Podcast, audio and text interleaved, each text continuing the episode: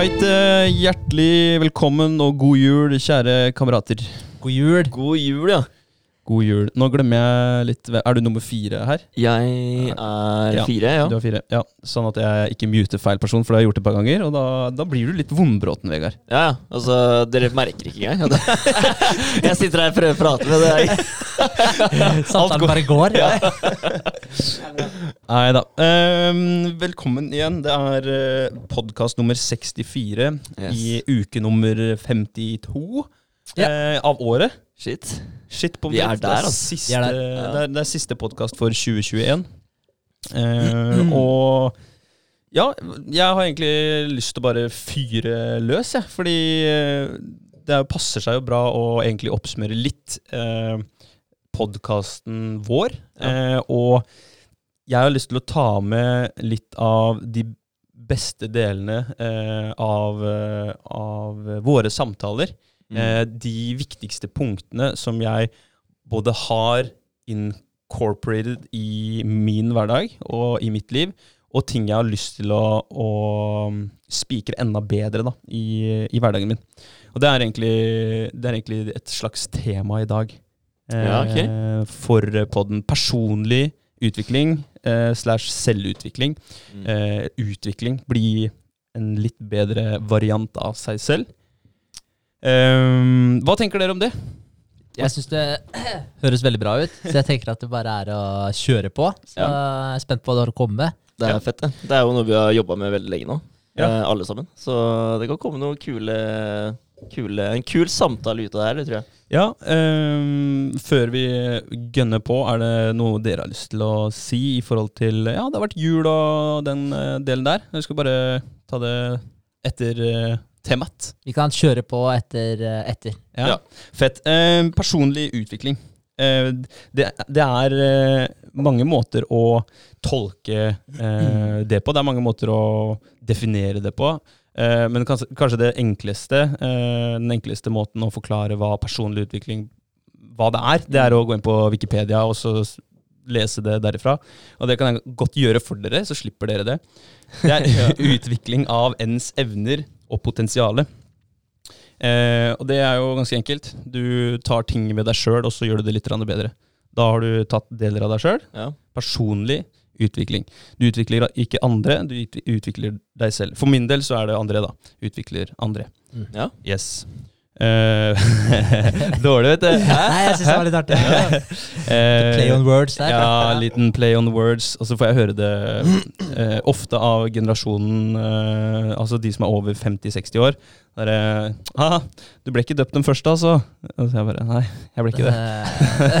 ja, Ja. det er bra. Så jeg må jo hele tiden forbedre meg selv. Ja. Eh, for navnet mitt sier at jeg alltid er på andreplass. Mm. Eh, så Konstant påminnelse. Konstant påminnelse. Og det er bra. Det er, bra. Det er konstant feedback som uh, sørger for at jeg holder meg på, Ja. på tå. Og derfor er jeg veldig glad i, i selvutvikling. Derfor er jeg glad i å bli litt bedre. ja. Strever hele tiden. Ja, jeg er en strever. Ja. Ehm, yes, utvikling av ens evner og potensiale. Og så er det en annen ting som kommer inn der, eh, som heter det å bygge eh, humankapital, eller menneskelig kapital. Kan eh, dere få lov til å, å prøve å definere det for meg, eller gi, gi meg svaret på hva Humankapital. ja, Det- Human capital, okay. eller menneskelig kapital. Jeg er veldig usikker på den, eh, men eh, jeg tenker med en gang Altså Human kapital, jeg vet ikke. At du er eh, Ja, så, så Så god du kan være, da. Så andre setter pris på deg, kanskje. At du, eh, du får samla mennesker da rundt deg, og at du får gode personer rundt deg. Jeg vet ikke. Det er eh, Ja. veldig godt uh, svart. Ja. Ja, jeg skulle si at du kjøper noen folk, og så bare får du dem til å gjøre ting for deg, så du har en human kapital. altså, altså, valutaen er pe eh, mennesker. Ja. Ja. Uh, nei, det er kanskje Ja, år tilbake. Trafficking, det gjør det. Nei, nei, nei, ikke det. Uh, Jeg skriver under på det Vegard sa. Det Ja. Det, kom, det kommer noen konteinere med smådere.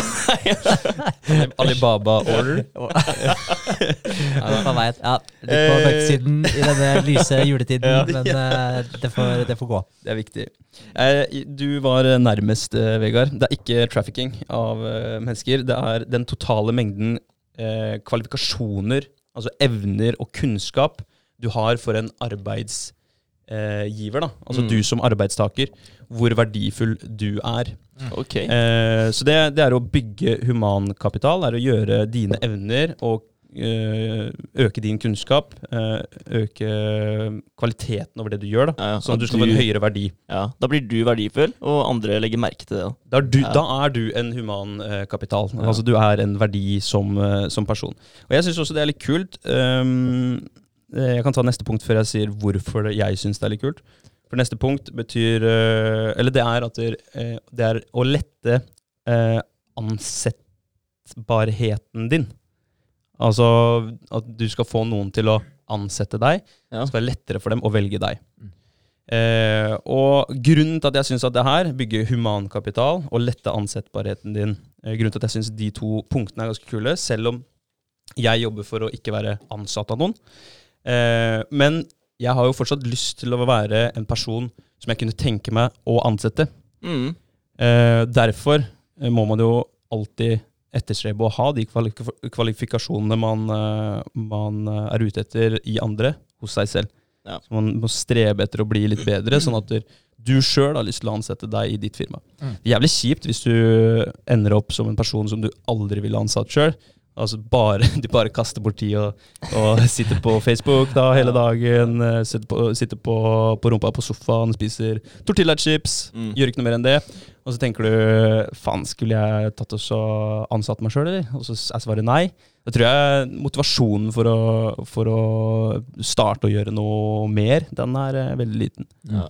Men, men tror dere at der, eh, det er mange som spør seg sjøl det spørsmålet? Sånn generelt? Bare ville jeg ansatt meg sjøl? Mm. Nei, jeg tror ikke det. Nei. Jeg tror det er veldig, veldig sjelden man gjør det. Og jeg tror de spørsmålene her, det kommer vi litt eh, tilbake til gjennom, gjennom eh, dagens tema òg. Ja. De spørsmålene som er litt vanskelig å svare på, og de som Eller de er egentlig ikke så vanskelig å svare på, men de som er litt vonde å svare på. Fordi Ja. det er ikke sikkert du har lyst på svaret. Ja. Og så hvis du finner svaret, eh, og så eh, vet du ikke hvordan du skal håndtere svaret på det spørsmålet, da, da er det skummelt. Men hvis, Ja. hvis du er en person som har litt eh, tak i deg, da, og at du- evner å, å finne en løsning på hvorfor svaret er som det er, at du ikke ville ansatt deg sjøl f.eks., Hmm. da, da er det bra. Men jeg tenker at jeg tror ikke det er vanlig å tenke den tanken der i det hele tatt. Eh, Jeg tror ikke jeg har tenkt ville jeg ansatt meg selv eh, før. Fordi den typiske, typiske greia du får, det er jo hvilke kvalifikasjoner har du, ikke sant? som du må fortelle til en annen Mm. eh, når du er på intervju eller hva det skal være. da. Mm. Og da er det det man tenker, da. Ok, fader, hvilke gode og dårlige egenskaper er det jeg har, da? Eh, Men du tenker aldri den derre det, det blir en helt annen måte å se på det da, når du tenker 'ville jeg ansatt meg'? Ja. Ja. for én ting er liksom skillsa som arbeidsgiver krever, men det andre er jo egentlig alle de personlige skillsa du også, også har. Åssen type du er, eh, hvordan miljø du skaper. Også, det er jo ganske mange forskjellige elementer som er med i uh, uh, Ja, i den uh, I den. I den. Nei, vi, vi bare vi, vi stopper den der. Ja. Jeg fant ikke ordet jeg lette etter. Det Men, er- eh, men ja, det er jo ikke bare de kvalifikasjonene som kreves for akkurat den jobben, selv om det ofte står i beskrivelsen. Ja, så er det omgjengelig, positivitet, løsningsorientert. Eh, altså, det er veldig mange sånne ting som også står. Men, eh, men ja. Men hvis du har en, en eh, jobb, still, eller en stillingsinstruks, da, eller en still, ikke en stillingsinstruks, men en stillingsbeskrivelse i en eh, annonse hvor de altså, leter etter noen. Mm. Og hvis du eh, ikke kjenner deg igjen i noen av punktene som står i den eh, beskrivelsen, da bør du bare lete videre, ikke sant? for da, da er du åpenbart ikke kvalifisert, du, eller du er ikke egna for jobben. Men hvis du kjenner deg igjen i, i noen av de, så, så kan du gå videre da, og søke på jobben. Eh, men hvis du da allikevel eh, hadde satt deg i Camera is too hot. ja. Damn. I fix. Men ja, Ja, Hvis, hvis du hadde likevel satt deg i, i eh, arbeidsgivers eh, sko, da, og så Mm. bare tenkt ok, hadde jeg vært han, hadde han eller henne, hadde, hadde jeg da ansatt meg i den stillingen her, eller hadde jeg leta videre? For det, det, er, eh, det er et tungt spørsmål å svare Ja, på. det er det. det, er det. Uh, men jeg syns det var litt kult med den der human capital-greia som du Det var det det var, var det ikke? Ja, jo. jo. Fordi jeg tenker at du, hvor kult er det ikke å bli så verdifull da, og ha så mange gode egenskaper at andre, eh, andre legger såpass merke til deg og typ, typ headhunter deg, da. Altså sånn um, Jeg hørte en podkast hvor de fortalte om han eh, Gary Wee, er det ikke det? Ja. ja. eh, og han eh, Det var liksom i starten av NFT-er, da, når det begynte å komme. Da, hadde, da hadde liksom en del eh, ja, influensere, youtubere som er veldig høyt oppe da, i sikte, ikke sant, og gjort det veldig bra. Så da hadde han tatt en sånn felles call da, til alle de han mente kunne bidra her. da.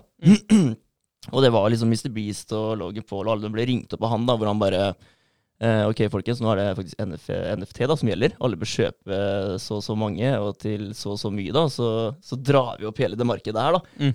Så, og da, da, da leter han etter personer han mener er verdifulle, da. Altså Mm. folk som har satt et fotprint, da. Og som andre faktisk legger merke til. Det syns jeg er helt fett. Det er når du kommer dit, liksom, at plutselig blir du bare ringt da, av, eh, av en annen eh, mekt igjen, da, som Mm. eh, Og det er en av de beste følelsene man kan, kan ha, egentlig. Fordi det er som vi har snakka om ganske mange ganger tidligere, i forhold til å bli, eh, å, å, bli å få en følelse av viktighet. Ja. Få eh, Vi snakka om det litt eh, forrige gang i forhold til kreativitet og anerkjennelse. ikke sant? mm. Det er jo en, det er jo en digg følelse hvis du blir ringt til og spør Hei, du, eh, vi, vi har eh, tenkt på deg vi, til en jobb, fordi det her eh, passer deg bra. Du, er en, du er en fyr som, eller en dame da, som eh, trekker mennesker, eller du er en fyr som får til det og, og har mange gode ideer, og så bla, bla, bla. Ja. Det vokser du kanskje tre meter på, altså i, i uh, selvtillit. ja, fy fader. Til at det er en boost, da. Ja, han uh, Jim Rohn, han fortalte jo det på det ene, ene ja, hva heter det, seminaret, foredraget han holdt. Eh, og da prata han om det, eh, og sa at eh, etter at han hadde eh, lagt eh, Ja, satt skoa på hylla, etter han på en måte hadde retira, Mm. eh, så fikk han en eh, telefon noen år etterpå. Eh, og da var det et eh, firma som spurte han om eh, han ville eh, Ja, fuck det kameraet. Men eh, så spurte han om han ville eh, ja, eh, ta en jobb, få firmaet på rett kjøl.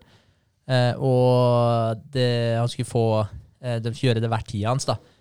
Uh, og han sa jo egentlig at ja, ja, men jeg har lagt opp, så jeg tar ikke imot noen jobber nå. Mm. Uh, men uh, så hadde de sagt at der, hvor mye han skulle få for jobben, og da hadde han ja, tenkt fuck it, ok, hvorfor ikke? Kjøre på, liksom. Og han hadde blitt tilbudt, jeg vet ikke nøyaktig hva det var, men han sa millions, og Mm. det er jo da i dollar, så du snakker jo en ganske pen pengesum der. Mm. Og når han hadde lagt på røret, så hadde han tenkt for seg sjøl bare sånn, ok, wow, det er ganske interessant. Hvorfor at jeg bare får en uh, telefon da hvor Ja. noen basically tilbyr meg flere titalls millioner for å hjelpe dem med noe. Uh, og så han tenkt etterpå uh, Nei, det er egentlig ikke så utrolig likevel. Hvem ellers skulle de ringe? Ja, ikke sant? Selvfølgelig ringte de meg, liksom. Uh, men, men liksom, ja, jokes aside, så, var det, så det han sa, var jo at da hadde han på de, alle de tiåra eh, som han har drevet og holdt på med de tinga som han har holdt på, eh, alle de kvalifikasjonene eh, som han har eh, opparbeida seg, alle tinga som han kan, eh, og ikke minst alle casene han også har å vise til hvor han faktisk har fått til noe. Mm. Eh, alt det sammen da gjør at han har blitt så verdifull på eh, markedet at noen faktisk ringer han og tilbyr han flere titalls millioner for å hjelpe dem. Ja, ja. Det bare gir ham muligheten, da, fordi han med skill som han allerede har. Det er ikke sånn at han trenger å bygge noe fra bånn eller ah, investere masse penger. Altså Han bare får de pengene for å ta med seg sjøl og Ja. gjøre jobben. De ser jo på han som problemløseren, da. Mm. Hvem er det som kan løse problemet her for oss? Jo, det er han duden her. Altså, han kan gjøre det på best mulig måte, liksom. Ja. Så vi kontakter han, da. Ja, Og, der er har du jo, og der har du jo bygge humankapital. Da. yes. Og, det, og da snakker vi jo ikke alltid om bygge det for en arbeidsgiver. Men eh, jo, egentlig, hvis du tenker at du sjøl er arbeidsgiveren, da, Ja. eller oppdragsgiver. For det er jo åpenbart det han hadde da. Jim Rohn hadde en oppdragsgiver som eh, trengte hjelp. Ja. Så om det er for deg selv, at du er din egen oppdragsgiver, eller eh, om det er for noen andre, da. Bygge humankapital. Så det er, eh, det er lette ansettbarheten, bygge humankapital, utvikling av ens evner og potensial. Og så er det to punkt til som jeg har dratt med. Det er forbedre livskvalitet. Bli en bedre versjon av deg selv for deg selv, for at du skal ha det bedre i det løpet du, eh, du går i. da. Mm. Eh, Og så er det realisere drømmer og ambisjoner. Det er eh, punktene under eh, utvikling av Eller av personlig Ikke personligheten din, men av deg selv. Ja. Personlig utvikling. Eh, og så har jeg da tenkt Det her er et tema som er Podkasten vår er ganske gjennomsyra av. All, alt vi har snakka om fram til nå, har blitt repetert.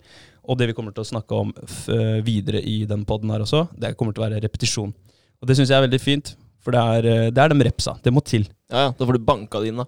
Det er volum. Mm. Eh, uten volum så får du ikke større og sterkere muskler. Nei. For å ta den. ta den. Yes. Uh, jeg har en, da, da er det listeformatet da, som jeg er godt kjent, til, eller, kjent med. Men det er ikke rangert i uh, viktighet. Det her er punkter som dere har gitt meg. Det er Mm. punkter som jeg kanskje har tilført. Det er punkter som podkasten uh, har eh, gitt, og som vi har snakka om. Og det er punkter som jeg håper dere kan eh, ha nytte av, og de som hører på, kan ha nytte av. Det er i hvert fall ting som jeg mener har vært med på å forbedre meg, og som har eh, eh, mulighet til å forbedre meg enda mer inn i det nye året, da, 2022. Sammen skal vi i 2022 eh, prøve å bruke mange av de verktøyene her og bli enda litt bedre. Ja. Kult. Bra. Kult. Eh, punkt nummer én. Eh, les hver dag. Og der, det er et av de punktene hvor jeg har tilegna meg det. Og så har jeg vært eh, Hva skal jeg si? Eh, inn Når du ikke er konsekvent, eller du er ikke eh, du får det til Det har ikke blitt en vane ennå. Det har blitt en sånn eh, skippertak. At en uke så leser jeg mye. En uke så leser jeg veldig lite. Så det er et punkt som jeg vil eh, ta med meg eh, mer inn i neste år. Og grunnen til det er jo litt med i forhold til humankapital. Jo mer du leser, eh, jo mer sannsynligvis, da det spørs hva du leser, Mm. eh, vil du dra med deg nytteverdi. Eh, men også å lese i seg sjøl er jo en trening. Så du vil bli flinkere på å konsumere ord, og kanskje ta til deg noe av den inf informasjonen du konsumerer. da. Eh, så det eh, går under eh, skill developing. Eh, samtidig, hvis du tar med deg søvn da, som en, et viktig aspekt her, hvis du Mm. leser på kvelden, så vil du sannsynligvis bli litt mer trøtt. Du har ikke den forbanna TV-skjermen eller telefonskjermen som du sitter og, eller ligger og stirrer på. Veldig sant. Eh, du har heller en bok som du, som du kan eh, bli litt trøtt av, samtidig som du kanskje lærer noe. Ja. Mm. God vane. God vane. Eh, nummer to, våkne opp tidlig. Der er jo du en mester, Henrik. Eh, Jeg, jeg er ikke mester. Vegard har, eh, har unnskyldninger. Nei, det er ikke unnskyldninger. Det er ikke det. Det er, en, det er en jobb. Det er en jobb. Ja. Det er det. Men uh, alle kan eh, jeg, jeg, jeg kunne lett uh, stått opp uh, tidligere, jeg òg. Ja. Ikke lett. Nei, det er feil å si. Det er feil å si. Kunne fått det til Jeg kunne fått det til, jeg òg. Det Ja. kunne jeg. Eh, Men det er noen uker som det absolutt ikke går, eller da, er det. da, er det, da er det skadelig for deg. Fordi Ja. hvis, du, hvis du jobber natt, og så skal du stå opp klokka syv liksom, etter natt, det går ikke. Nei, men uh, jobber jeg natt, så sover jeg jo fryktelig lite da. Så, uh, egentlig, så den, de ukene jeg får mest timer ut av, det er jo egentlig nattukene. Ja. Da sover jeg ekstremt lite. Mm. Så jeg er egentlig ganske flink. Jeg tror jeg er ganske flink. Men- på, en, på en måte som ikke er sunn, da. Ja. Men, men punktet her er jo ikke å sove lite, det er å våkne opp tidlig. Så Ja. Ja. Du, du, du, du må legge deg deretter òg. ja, det er en stor, det er en vesentlig forskjell. Mm. Uh, og hvorfor skal man uh, gjøre det? Eh, vi eh, tenker i hvert fall at eh, du får mer ut av dagen, og du Ja. kan starte dagen på dine egne premisser. Du kan få lov til Du kan gi deg sjøl lov til å gjøre ting som du kanskje ikke ellers ville gjort hvis du hadde stått opp til vekkerklokka som sjefen din har bedt deg sette på Mm. for å komme tidsnok til jobb. Ikke sant? Eh, noe å tillegge, Henrik? Ja, altså i forhold til eh, det med produktivitet, at du får mer gjort. Hvis du tenker Hva er det du alltid gjør den siste timen før du går og legger deg, eller før du går på badet om kvelden? Hvis du spør deg sjøl det spørsmålet og ser på hva du faktisk gjør den siste timen eller de siste to timene, Mm. så tror jeg sikkert i de aller, aller fleste tilfellene så er det at man sitter og ser på TV. Ja, ja. Som regel. Man Mm. skrur på TV etter en lang dag. Setter man seg på sofaen, så gjør man ikke noe fornuftig. Ofte ser man bare på noe svada på TV. da. Det er bare sånn bakgrunnsserie eller Ja, noe jævlig dødt ja, noe. Ja. ja. Fordi man liksom skal slappe av da, eller hva man skal gjøre. Uh, men hvis man uh, shaver av den timen på kvelden, Mm. legger seg tidligere i stedet, og så står man opp på, på morgenen, Mm. flytter den timen, uh, så får man definitivt gjort mye mer. Eh, jeg merker med meg sjøl òg. Altså jeg har veldig gode rutiner når jeg står opp tidlig. Veldig gode rutiner på morgenen med hva jeg gjør på morgenen. Hva jeg velger å bruke den tida før jobben til. Mm. Og det, men jeg merker også med en gang jeg ikke står opp så tidlig, For eksempel meditere gjør jeg jo alltid før jobb, da, og trening eller yogaen gjør jeg også før jobb. Hvis jeg ikke står opp tidlig, så er det veldig liten sjanse for at jeg faktisk mediterer, eventuelt trener eh, på ettermiddagen. Ja. Eh, for da, da er jeg på en måte det, det, det Ettermiddagen blir er smekkfull, ja, Ja. og så er den smekkfull som regel. Ja. Jeg er også akkurat det samme i forhold til, uh, forhold til trening, for da får jeg i hvert fall inn den treninga som, uh, som er målretta. Ja. For den er planlagt den på morgenen. Og, uh, og så er det ikke minst det der med å få, få de umiddelbare effektene da, av treningen, meditasjonen, Mm. gjennom dagen. For det samme med, med trening og meditasjon. Tar du det sent på, på kvelden, så har du ja, da har du nytte av det i noen minutter, da, i kontra tolv timer kanskje, som du har hvis du tar det på morgenen. Ja. Det er Men, sant. men en annen ting også er jo det at der, når du faktisk går, eh, går inn for å stå opp tidligere, du gjør den avtalen med deg sjøl. Det er jo pain å stå opp eh, tidlig sånn i utgangspunktet. I hvert fall hvis man er vanlig med å ikke stå opp så tidlig. Ja. Så er det jo et tiltak. Det er jo en grunn til at man som regel ikke gidder å gjøre det. Eh, men det som de gjør når du faktisk har stått opp, da, eh, og du har trossa den smerten her og kommet deg opp av den eh, varme, gode senga di om morgenen, eh, det skjer ikke at du kaster bort den tida di etterpå. da. Det er ikke sånn at du setter deg ned på sofaen før jobb da og skrur på, på TV-en og ser på noe hjernedødt. Det skjer ikke, fordi det er sånn, nå har du kriga for å faktisk komme deg opp der. Da skal du utnytte tida før jobb også. Mm. Så, så du, du gjør nesten den tida der mer verdifull også, ved å faktisk bytte ut den eh, gode, varme senga, den komfortable plassen der. Du bytter ut den, og da er det sånn, ok, men skal jeg faen meg erstatte den med noe bedre, faktisk, så du, så du kan ha god samvittighet for det. da. Ellers så hva er poenget med å stå opp så tidlig, da? Nei, for du, ikke, du tar ikke på alarmen ekstra tidlig for å komme deg ut av senga for å legge deg i sofaen Nei. og ta på deg dyna der. Da kunne du like gjerne bare blitt i senga. Ja, ja. Ja. Det er Ja. veldig sant. Eh, bra. Eh, neste på, på den eh, årslista til dyptvann eh, fra min side, da, det er eh, level up. Og det er egentlig eh, å tilegne seg skills og anerkjenne at man kanskje ikke er så bra på en ting, og så prøve å bli litt bedre. Mm. Det tror jeg også veldig mange kanskje ikke er dårlig til, men glemmer bort da i hverdagen. At uh, ting eh, bare flyter som det er, og du, du får til akkurat det du får til, og kanskje ikke så mye mer enn det. Og det funker greit. Men uh, vi er jo ikke opptatt av å fungere greit. Vi skal fungere bra og enda bedre underveis. Og litt tilbake til forrige podd òg, Vegard. Du snakka om kreativitet. Ja.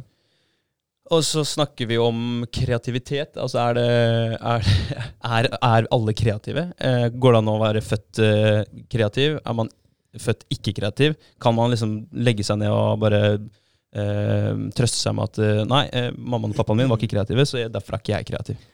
Ja. Jeg, tror, jeg tror alle blir født eh, kreative, men uh, til forskjellige grader, da, selvfølgelig. Veldig forskjellige Ja, grader, ja. tror jeg. Men jeg, jeg tror alle, alle blir født med den egenskapen. Det tror jeg.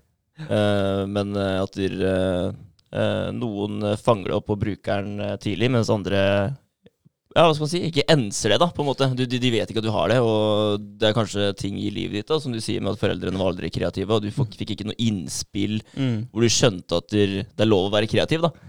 Ja. Men, ja, men jeg tror jo altså, alle, altså, Det er jo normalfordelinger da, eh, Ja. som regel på sånne ting. Men du har jo noen som er helt nede på eh, bånn av den, som ikke er, som ikke fins kreative. Du har jo noen av dem òg. Alle er på skalaen et eller annet sted. Men jeg tror det er mange som, som dere er inne på, som bruker det som en unnskyldning Ja. for å ikke bli bedre. Det er det nok. Men eh, noen fins ikke kreative, klarer ikke å tenke kreativt og bare er er helt nede. Altså, for det har jo mye med som sagt, de der personlige eh, personlighetstrekka òg, med openness to experience og hva var den siste For det er to sånne spesifikke eh, personlighetstrekk Ja. som kjennetegner eh, de kreative. Ja. Og det er jo noen som er helt, helt bånn i bøtta på de tinga. Og da er, ja, det, da, er, da, er- da er jo taket ditt litt nærmere enn Null, ja, for mange andre, da. ja. Ja, ja det er. Utgangspunktet er dårligere, Ja. eh, men, eh, men jeg tror også at alle har en, eh, en mulighet til å bli litt bedre. Og det, det Hvis du tar Nå skal ikke vi snakke så jævlig mye om covid i dag, men hvis du tar den eh, eh, om eh, trening, da, det å holde seg i bedre form. Mm. At det på en måte skal være en god, en god medisin. En av de bedre medisinene. Og det, det er mitt eh, synspunkt. At det er den beste medisinen mot alt. Eh, alle sykdommer. Det er å ha en god generell helse. Eh, men så, så kommer det en og sier Ja, men se på de toppidrettsutøverne som fikk covid. da, De har jo ramma drithardt og sliter i mange år etterpå. Altså Nå har jo eh, korona vært i ja, et par år snart. Mm. Og de som fikk, eh, fikk det veldig tidlig. De har rukket å vært sjuke en god stund. Og da har du noen caser da, hvor topp, topptrente personer sliter som bare faen. Men da, tenk hvis de ikke hadde vært topptrente, da. Da kan det hende de hadde hatt det enda verre. Så hvis du tenker at eh, du har et, eh, du har et nivå da, eh, som du er gitt, men du har også et nivå som du kan jobbe deg opp fra. ikke sant? Så hvis du ikke er kreativ i det hele tatt, så har du muligheten til å bli litt kreativ. Er du kreativ fra før av, så kan du bli jævlig kreativ. Ja. Så det handler jo om, om å gjøre seg en, en tjeneste og bli litt bedre. Uh, kreativitet var jo bare et eksempel. Du har jo også det å lære seg et instrument eller eh, en annen idrett. Uh, Ja. For eksempel. Og der er jo vi nordmenn født med ski på beina, ikke sant? Så Mm. da kan vi jo hvile oss på den, da. Ja, Men det, men det jo ikke Det, jo ikke, det stemmer jo ikke. Men noen er bare gode, da. Altså, du kan se på se fotball, da. Ikke sant? Noen er jo bare født fotballspiller, ikke sant. Bare tar det her utrolig raskt, selv om det krever mange, mange timer eh, trening, da. Det gjør det. Men to stykken, da. En som, eh, en som eh, var ment til å bli en god fotballspiller, da. og En som eh, ikke har de egenskapene, egentlig. Eh, De kan trene like mye, og en vil fortsatt skille seg ut eh, betraktelig fra den andre, da. Ja, definitivt. Men da er det jo muligheter for den andre til å trene enda hardere for å bli enda bedre. da. Det er jo noen som du sier, som det kommer mye enklere til. Ja. Eh, Men det er jo noen som bare, ja, med blod, svette og tårer, som kommer seg ja, kommer seg dit de andre ikke kommer, for de ikke er villige til, Ja. eh, til å legge inn arbeidet. Det er det. Så ja, men, eh, men jeg er enig. For jeg, for altså, jeg tenkte på, jeg leste den der eh, Carol Dweck, vet du, jeg snakka om den. Fixed versus growth mindset. Og det er egentlig det man er litt inne på her også. Fordi fixed mindset, du tenker at du har et tak, og det taket der, når det er nådd, så er du på en måte ferdig. Mm. Og jeg tror mye mer på at du kan eh, få til egentlig akkurat det du vil få til. Men er du født uh, kortvokst, så blir du ikke den nye Michael Jordan. Sorry, hate to break it to you. Altså, skjønner, det er noen, det er noen begrensninger her. Ja. Og, men at man kan uh, man kan bli ekstremt flink i, i andre ting. Eh, så man finner litt hva man liker, hva man har interesse for, og også hva man kanskje ikke nødvendigvis er god i, da, men jeg tror det viktigste kanskje er at du har lidenskap for noe. Så Ja, ja. du har lyst til å holde på med det, så det ikke er kjedelig for deg å holde på med det. For da, da kan du lære deg typ hva som helst. Det er sant. Altså En kortvokst kan jo bli helt rå på å gå på stylter, da, for eksempel. Altså, ja, bare trener helt sjukt mye på det først. Det, Altså. det, kan, det kan det, ja. Så det er muligheter. Ja. Ja, Men det er mulighet for alle, da. Det er mulighet for alle. Mm. Eh, hvis vi tar Ja, runder av den, da. Eh, det er øke skillsettet sitt. Skriving, lesing, snakking er jo eksempler også. Bli bedre på å snakke. Det er jo noe vi jobber med eh, kontinuerlig her. Ja. Eh, da fører vi opp neste, nummer fire. Trene kropp og sinn. Og det handler jo om å ha en god helse. En grunnleggende god helse i forhold til å tåle, tåle litt. da, Tåle belastning. Og det har jeg tenkt mye på i forhold til eh, Egentlig fra jeg tok eh, PT-utdannelsen, og hvorfor bygge muskulatur, hvorfor bygge kondisjon, hvorfor bygger vi eh, kroppen vår opp, liksom. Det er, eh, det er mange forskjellige grunner til det. da. det er, du har målsetninger som er at jeg skal opp på scenen, eller så har du målsetninger som er jeg skal løfte mest. Eller så har du de som Altså den mest svarte eh, målsetningen, eller den målsetningen jeg har hørt mest. Jeg vil ha, jeg vil ha damer. Jeg vil ha damer. Lift plates, get dates. Ja. Ja. Nei, det er den jeg har eh, hørt mest, det er det, og det er kanskje fordi at jeg har trent mange urnorske eh, middelaldrende kvinner, eh, så er det å komme i form. Ja. Det er den jeg har hørt mest. Og det er et litt for dårlig mål. Unnskyld, ja, middelaldrende da, ja, ikke sant? Ja. Hva, det er for ukonkret, det målet. Eh, men jeg har tenkt mye på det. Hva, hvorfor bør man gjøre det sånn? Hvis man, hvis man skal si, si til hvem som helst hvorfor skal du trene, Mm. eh, både hodet ditt og, og kroppen din, eh, så vil jeg si at det er for å tåle eh, alle belastninger i livet ditt. Mm. For du tåler dem så jævlig mye bedre hvis du er eh, litt sterk, hvis du er litt kondisjonert, enn hvis du er helt jævlig svak og ukondisjonert. Eh, hvis det skjer et eller annet i livet ditt som krever både energi, vilje og eh, Ja, det krever litt av deg generelt. Så, så vil det bli dritvanskelig å kunne, kunne bistå eller, eh, eller evne å, å være til stede i den situasjonen. Så det, derfor tror jeg eh, det er et viktig punkt på alle sine to do-lists. Mm. Men jeg, jeg tenker litt i forhold til Vi prata om uh, failures tidligere eh, også. Og, og treningssenteret det er jo en sånn nære som vi har snakka om før. Altså, det er en veldig sånn sentral uh, analogi på alt i livet. Mm. Og det du lærer deg på treningssenteret er jo å feile. Mm. Og du lærer deg at du ser folk som er bedre enn deg rundt deg, du ser folk som er dårligere enn deg. Du, altså du, du ser veldig godt hvor du er hen eh, på hva skal man si, den eh, fitness-rangstigen, for å si det på den måten. Ja. Eh, så det er veldig tydelig for deg at du ikke nødvendigvis er best. Eh, og så er det også veldig tydelig at hvis ikke du legger ned timene dine der, så kommer ikke resultatene heller. Så du, så, du, du klarer ikke å lure treningssenteret, og du klarer ikke å lure kroppen din til å bli fit uten å legge ned arbeidet. Nei, Så, så derfor også tenker jeg at det, bare det å trene, at det hjelper deg eh, Det hjelper det mentale også, Mm.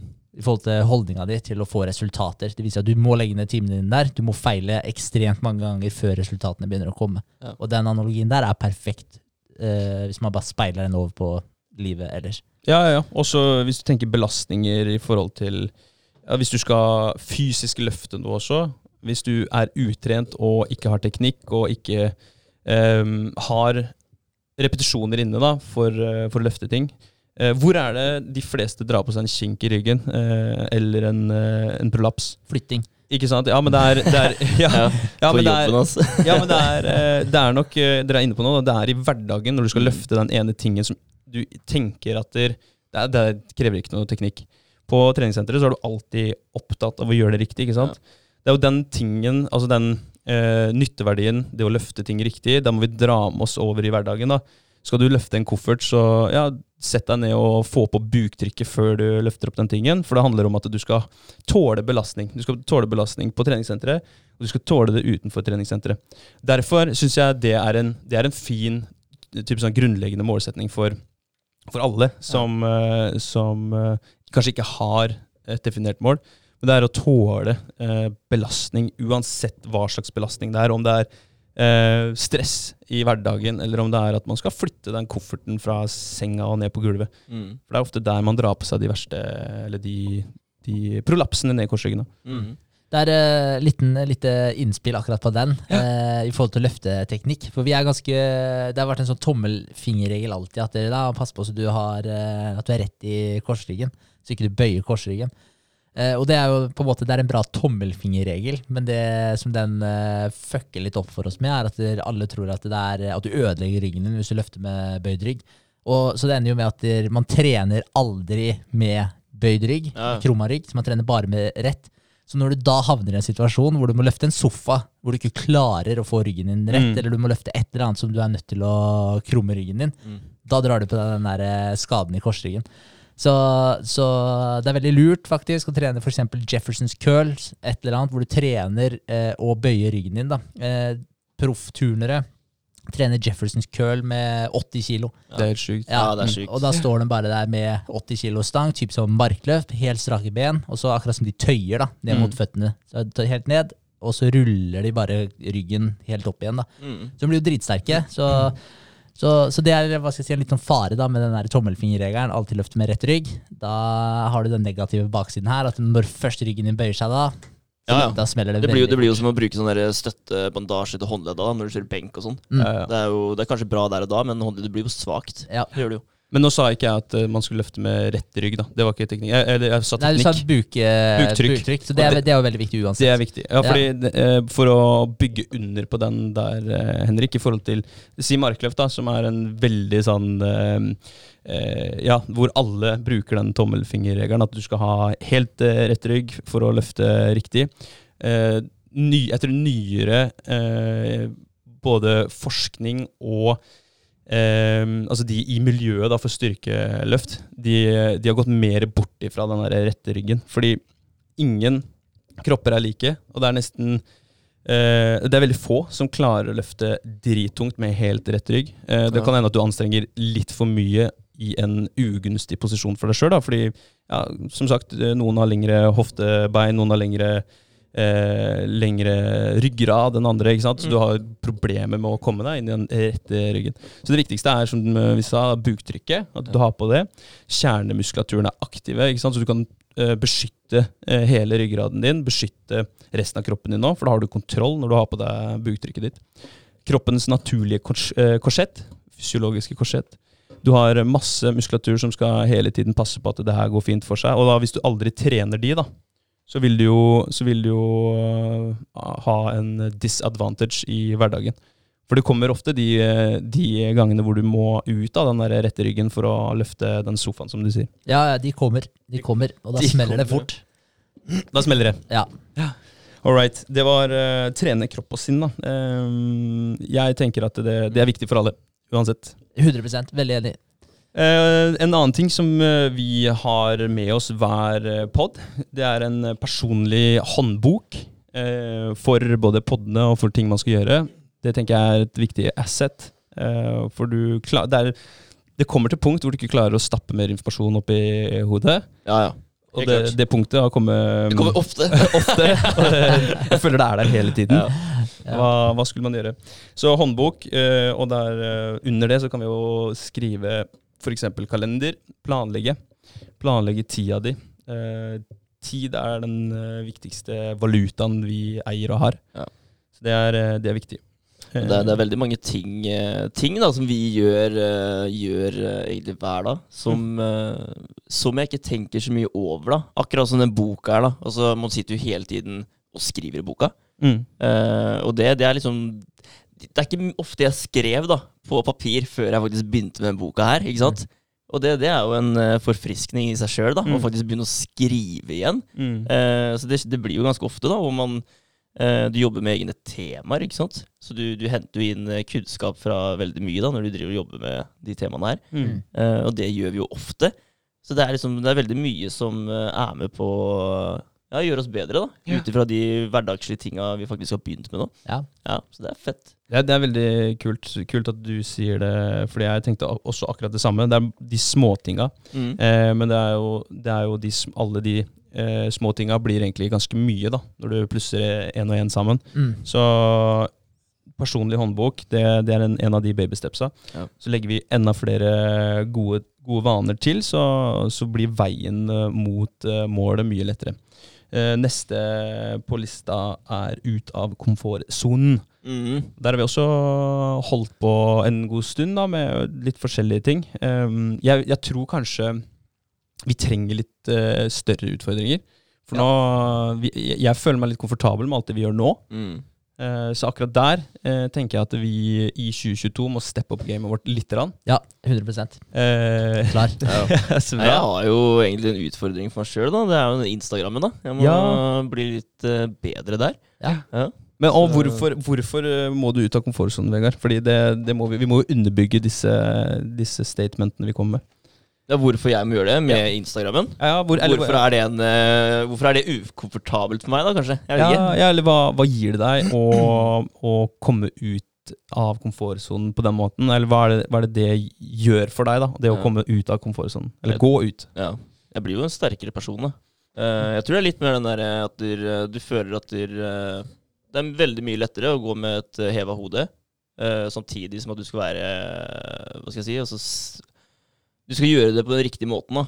Du skal ikke gå rundt med heva hode og være douche, liksom, men du skal gå rundt og gjøre det og føle at du faktisk fortjener det. da. Og, og i samme slengen da så blir du også mye snillere mot andre, tror jeg. For da, da blir du den eh, litt mer åpne personen som eh, går og hilser på folk. Eh, du ser på folk, da. Enn eh, den personen som ikke tør å gå med hodet heva, da. Og heller titter ned, titter ned i bakken. Han hilser heller ikke på noen. Ikke sant? Han gjør ikke det. Så Fått selvtillit, da. ja, du får mye mer selvtillit av det. Ja. Det gjør du. Ehm, og det har jo hjulpet veldig mye på meg allerede nå, uh, med poden. da. Eh, for eksempel det å være på kamera, det å bli hørt på av andre. Uh, det gjør noe med deg. Det gjør det. Så, men det er selvfølgelig andre plasser da, hvor du også føler at du, du ikke helt har strekk til. Da. Sånn, jeg, er ikke, jeg er ikke like komfortabel med egen Instagram. Det er ikke noe problem med å jobbe med en annen Instagram. ikke sant? Det går helt fint. Men eh, når, du, når du blir en egen, når du blir en personlig Instagram, så, så føler jeg at det er annerledes. Ja. Men da har du på en måte Da har du en kanal som du kommuniserer gjennom. Du har på Det, det er ikke Du blottlegger ikke deg sjøl, når du mm. kommuniserer gjennom typ Nutriors. Du gjør ikke det. Nei, det er veldig mye lettere å legge ut uh, ting der. Ja. ja, for det er noe med når du representerer et annet eh, selskap. Når du er på din personlige Instagram, så representerer du selskapet Vegard Duelund. Yes, Eh, det er noe da, ja, det er alltid lettere å representere noen andre. Det ser er man jo bare på telefonen når man tar på jobb og sånn. Det er ikke som at jeg sitter og stresser for jeg skal ringe en eller annen leverandør eller noe sånt når jeg ringer fra Nexans. Nei? Men, eh, men det er litt annerledes når jeg ringer fra, fra Nutrihorse. så- Ja, ja, men da, da har du store Nexans som backer, ikke sant? Ja, det er liksom bare, ja, alle vet hvem Nexons Nexans er, da, og det er jo et uh, stort konsern som eh, Jeg vet ikke, det, det bare minsker bekymringene dine. da. Ja. For du vet at du blir tatt, eh, du blir tatt godt imot da, Mm. ja, når det er noen store som ringer, ikke sant? Uh, men uh, ja, jeg tenker at du ja, jeg, føl- jeg føler hva du mener. Ringe fra Nexans kontra Nutrihorse. Mm. Eh, det, er, det er litt annerledes, samtidig som at det, det nesten er morsommere òg. Ja, ja, ja, 100 Men jeg, jeg er veldig enig i mange av de punktene som Vegard kommer med, i forhold til det med å feile. Kommet ut av komfortsona. Eh, Men det er en annen ting jeg også har lyst til å legge til. Det er eh, at ofte eh, så tror jeg at man eh, Eller ofte tror jeg, jeg vet at i mange mange tilfeller, når man eh, har lyst til å starte med et eller annet, man ser en ting som er interessant, en eller annen hobby eller noe businessgreier, eller hva enn det er, da, en eller annen interesse som du har lyst til å pursue, gå etter, så ofte så, så er man eh, eh, Man skjøtter ned ideen eh, før man i det hele tatt har begynt. Så, så det er du sjøl egentlig som setter stopper for deg, fordi du forteller deg alt det her. Nei, nei, du er ikke god nå. Nei, du kan det ikke fra før. Eh, det her er ikke helt eh, deg. Altså masse sånne pissgrunner som du kommer med. Men alle de der eh, utfordringene hvor du må på utsida av komfortsona. Ikke bare det at der, her gjør du noe som du ikke er komfortabel med å gjøre i utgangspunktet, så du pusher den grensa, men også det at du faktisk ser at du får det til. Mm. Eh, og det er ting som, eh, som du ikke hadde trodd du skulle få til for ja, 30 dager siden. Da. Hvis du har en månedsutfordring eller, eller hva det måtte være, så, så ser du at å shit, jeg fikk det faktisk til. Det er jo som Vegard er inne på, det gir deg en selvtillit. Eh, men det er også det at når du da får en ny idé og tenker at det, eh, oi, det her hadde vært kult, i stedet for å si nei, men det kan jeg ikke gjøre pga. XYZ. Så Mm. tenker jeg at vet du hva, fuck it, der skal jeg gi et forsøk. Altså. Jeg kan få til akkurat det jeg vil få til. La meg prøve på det her. Mm. Så jeg tror det gir deg veldig den boosten der også. Gir deg, er med og gi deg muligheten til å gå for de tinga som du kanskje vanligvis ikke ville gjort. Mm. Og så- tenker eh, jeg Vi har jo hatt en pod om eh, komfortsonen for lenge siden.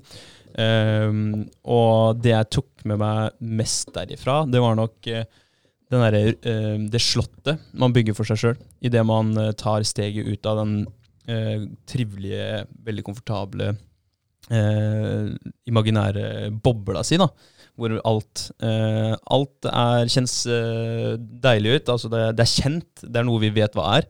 Eh, det er ting som vi har gjort mange ganger før. Um, og den bobla, eh, så fort vi er på utsida av den, så blåser det, det stormer. Det er, litt sånn, det er skummelt, man blir fort redd. Men hvis man da tenker at for hver gang du eh, går ut av den bobla, komfortsonen din, så ekspanderer det, og du bygger et mye sterkere Istedenfor å ha et, et lite sånn søtt grisehus, holdt jeg på å si, som, eh, som eh, ditt eh, hjem, da, så bygger du et, eh, et stødig slott som skal tåle eh, når det først stormer rundt deg. Det er, eh, hvis du tenker på det sånn, hver gang du står ovenfor et, eh, et spørsmål da, om eh, det her blir for tøft for deg, er det noe som, eh, som jeg virkelig burde gjøre, er, det her er ikke ja, trygt, liksom, eh, men det her kan kanskje gi meg noe på andre enden. da. Det er noe jeg kan lære av, det er noe jeg kan eh, bli bedre av, det er noe som, eh, som eh, gjør meg sterkere. Så bare se for seg det slottet som, som man bygger opp rundt seg. tilfelle det kommer en storm en gang, Mm. så står man mye stødigere der, da. Det, det er det en utfordring, eller en, et steg ut av komfortsonen, kan gjøre. Det kan hjelpe deg å bygge den rustningen eller det slottet rundt deg. Da. Tenker jeg. Sant. Det kommer til å komme De, de, de stormene de kommer før eller siden uansett. Og hvis du ja, eh, gjør deg klar for dem egentlig da, før de kommer, i stedet for å bli eh, ja, wipa vekk når de først kommer, da. så Mm. må du bygge deg opp igjen. Så kan du heller sakte, men sikkert bygge deg opp hele veien, og så heller takle det bedre når du først eh, shit hits the fan. Ja. Så var det mange andre ting eh, som, eh, som kommer med eh, å gå ut av komfortsonen, og da du lærer jo vanvittig mye av deg sjøl, Mm. eller om deg sjøl, og du ja, gjør mye kult. Eh, det er jo mye artige historier av å gå ut av komfortsonen. Det er mye fett. Du møter kanskje andre mennesker. Det er, det er mange andre ting da, som kommer, eh, kommer på kjøpet. Mm. Eh, men når vi først har gått ut av komfortsonen og har gjort det en del ganger, så er det andre ting i eh, hverdagen vår som vi kan jobbe litt med. Neste punkt er identifisere anker. Eh, og det er litt i forhold til i hverdagen. om det er ting du vet, eller du kjenner, eh, holder deg litt igjen. Det er noe som eh, drar deg nedover når du egentlig vil opp. Ja. Um, ting som, som du kan enten uh, kvitte deg med, eller du kan kanskje lære deg å dra med deg. da, Bli Mm. sterk nok til å dra det med deg. Det, det er mange tilfeller der det kanskje er det eneste alternativet.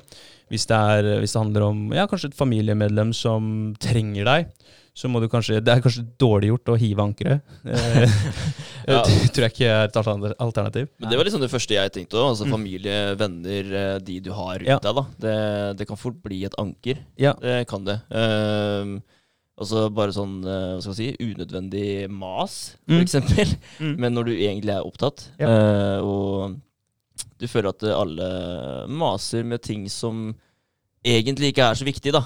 Ja, det er, det er ting som eh, Som man kan ja, ta, Enten så er det en skikkelig uviktig samt, eh, telefonsamtale som eh, du føler at du bør ta fordi det er eh, et familiemedlem som ringer deg, og så tenker du at der, eh, hva, hva var egentlig poenget med å, med å ringe nå? Du kunne bare sendt det her på melding, og så kunne jeg bekrefta det, liksom. Mm. Eh, eller venner da, som ikke er på samme, samme tankegangen som du er, da, i det Mm. hele tatt. Når, eh, sånn som når vi har starta med alt det vi har starta, så er det alltid folk rundt oss som ikke føler det vi føler, da. Mm. Eh, og ikke har den samme tankegangen i det hele tatt. Og da, da blir det automatisk et uh, lite anker, da. Ja. Hvis du ikke klarer å dra dem opp på samme nivå som deg selv, da. Mm. Det blir det jo. Mm. Så det sikkert mange gode metoder å løse det her på, men eh, det føler jeg da at det, det, er, det er en vanskelig greie noen ganger. Mm. Ja. Det er det. Det er det. En ting som, eh, som jeg har tenkt eh, mye på i forhold til det med, eh, ja, med sånne unødvendige telefonsamtaler og ting som tar mye tid, eh, det er eh, i forhold til at det er, det er du som styrer den telefonen. Du styrer tida di. Ikke la den styre, ikke la den styre deg, selv om det er veldig mye lettere sagt enn gjort. Men måter å gjøre det på altså hvor, eh, Hvis du skulle sagt de siste tre åra, hvor mange telefonsamtaler er det du har fått uh, hvor det virkelig, hvis ikke du hadde uh, vært i nærheten av telefonen din innen si tre timer, da Tre timer. Så hvis ikke du, hvis ikke du hadde uh, nådd telefonen din tre timer etter at den samtalen kom, så hadde det skjedd noe helt forferdelig som du kunne ha avverga. Mm. Og det er sånn, i hvert fall for min egen del, så, så skjer det jo ikke. Det, det har vel nesten, nesten aldri skjedd. Så, så mest sannsynlig så går det veldig fint da man på en måte skrur av den telefonen i tre timer. Eh, For som regel hvis noen har, vil ha tak i deg, og det haster skikkelig, så som regel så haster det ikke så jævlig at ikke man kan vente i tre timer. Eh, og hvis det haster så mye, så kan som regel så har man andre man kan ringe også for å få Mm. det fiksa. Eh, og jeg tenker at hvis man gjør det her konsekvent, da, uh, skrur av telefonen hvis man skal sitte og jobbe eller konsentrere seg om noe som man virkelig må konsentrere seg om, eller at man bare lar være å svare, for det er faktisk lov det også, å, bare la være å ta den telefonen. Det er ikke sånn at du er forplikta til å alltid ta den telefonen. Nei da, altså vi har jo satt på flight mode på telefonene våre i dag. Og det Ja. gjør vi jo hver gang vi kjører pod. Så Ja. da er vi jo helt uh, utilgjengelige alle sammen. Stemmer. Ja, Det går som regel bra, det. ja, ja. Jeg fø- føler aldri på det, faktisk. Nei. Det gjør jeg ikke. Nei, Vi, det, og det handler om å prioritere. Ja. Eh, og det er jo det som er litt vanskelig, at man eh, kanskje føler litt på å prioritere bort andre, som da forventer at du prioriterer de. Mm. Men det er, det er jo Jeg tror den beste medisinen da, er å være tydelig på det.